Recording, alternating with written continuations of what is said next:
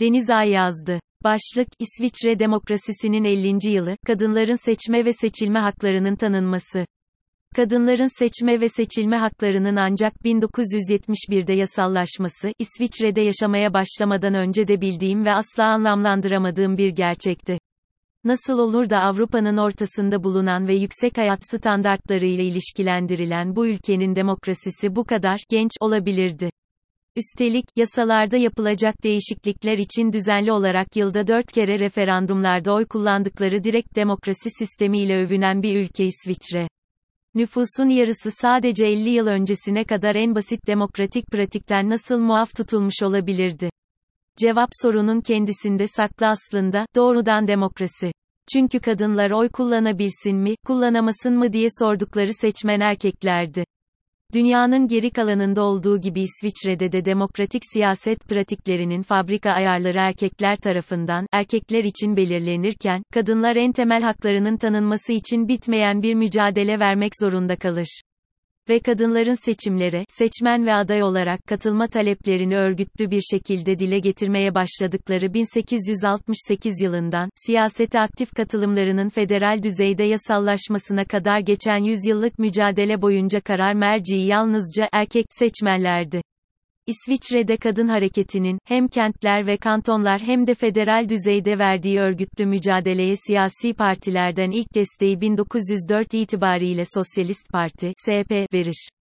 1909 yılında ise pek çok kadın örgütü bir araya gelerek İsviçre Kadın Seçme, Seçilme Hakkı Birliği'ni kurar. İki savaş arası dönemde yükselen muhafazakarlaşma, kadınları model toplum ideallerine hizmet eden fedakar anne kalıbına indirgemekte önemli bir rol oynayınca temel hakları için mücadele eden örgütlü kadın hareketi bir süreliğine geri planda kalır.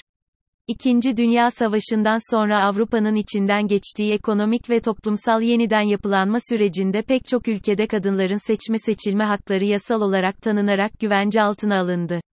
Bu sürecin İsviçre'deki yansıması, 1951 yılında pek çok kantonun ayrı referandumlarla erkek seçmenlerinin takdirine sunup ısrarla kadınları demokratik sistemin dışında tutma yönünde karar veren çoğunluğun tahakkümü oldu. Aynı yıl Federal Konsey konu üzerine yazdığı raporunda, kadınların seçme ve seçilme hakkının henüz olgunlaşmamış bir fikir olduğuna kanaat getirir. Hayır, kampanyalarının kullandığı afişlere dönüp bakınca karşımıza çıkan argümanlar aslında çok tanıdık. Siyasetle ilgilenmeye başlayıp zombileşen kadın sembolleri, annesi siyasetle meşgul olduğu için uğursuz bir kara kedi tarafından beşiğinden atılmış zavallı bebekler, emziklere üşüşen pis kara sinekler. Erkek, seçmeni kadınların siyasete katılma hakkını tanımaya ikna etmeye çalışan, evet, kampanyalarının afişleri de dikkat çekici. Prenseslerini kurtaracak romantik şövalyeler mi ararsınız? Yanağındaki kırmızı ruj izinden anladığımız üzerine öpücükle ikna edilmiş şık giyimli beyefendiler mi? Kadınlara toplanmış masum narin kır çiçekleri mi? 7 Şubat 1971 referandumunda erkek seçmenlerin %65'inin desteğiyle federal anayasanın siyasi hakları tanımlayan maddesinde yapılan değişikle İsviçre demokrasisi toplumun yalnızca yarısına hitap eden bir oyun alanı olmaktan çıkar. Aynı yıl içinde parlamentoya giren 11 kadın siyasetçiyi meclisteki erkek meslektaşları çiçek buketleriyle karşılar.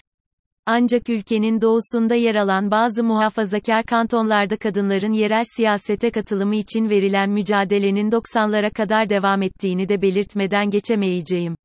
Kadınların seçme seçilme hakkının tanınmasının 50. yıl dönümü, yıl boyunca pek çok etkinlikle kutlandı. Kadın temsilinin 50 yılda İsviçre'de geldiği nokta, devam eden örgütlü mücadelenin somut kazanımları konusunda fikir veriyor.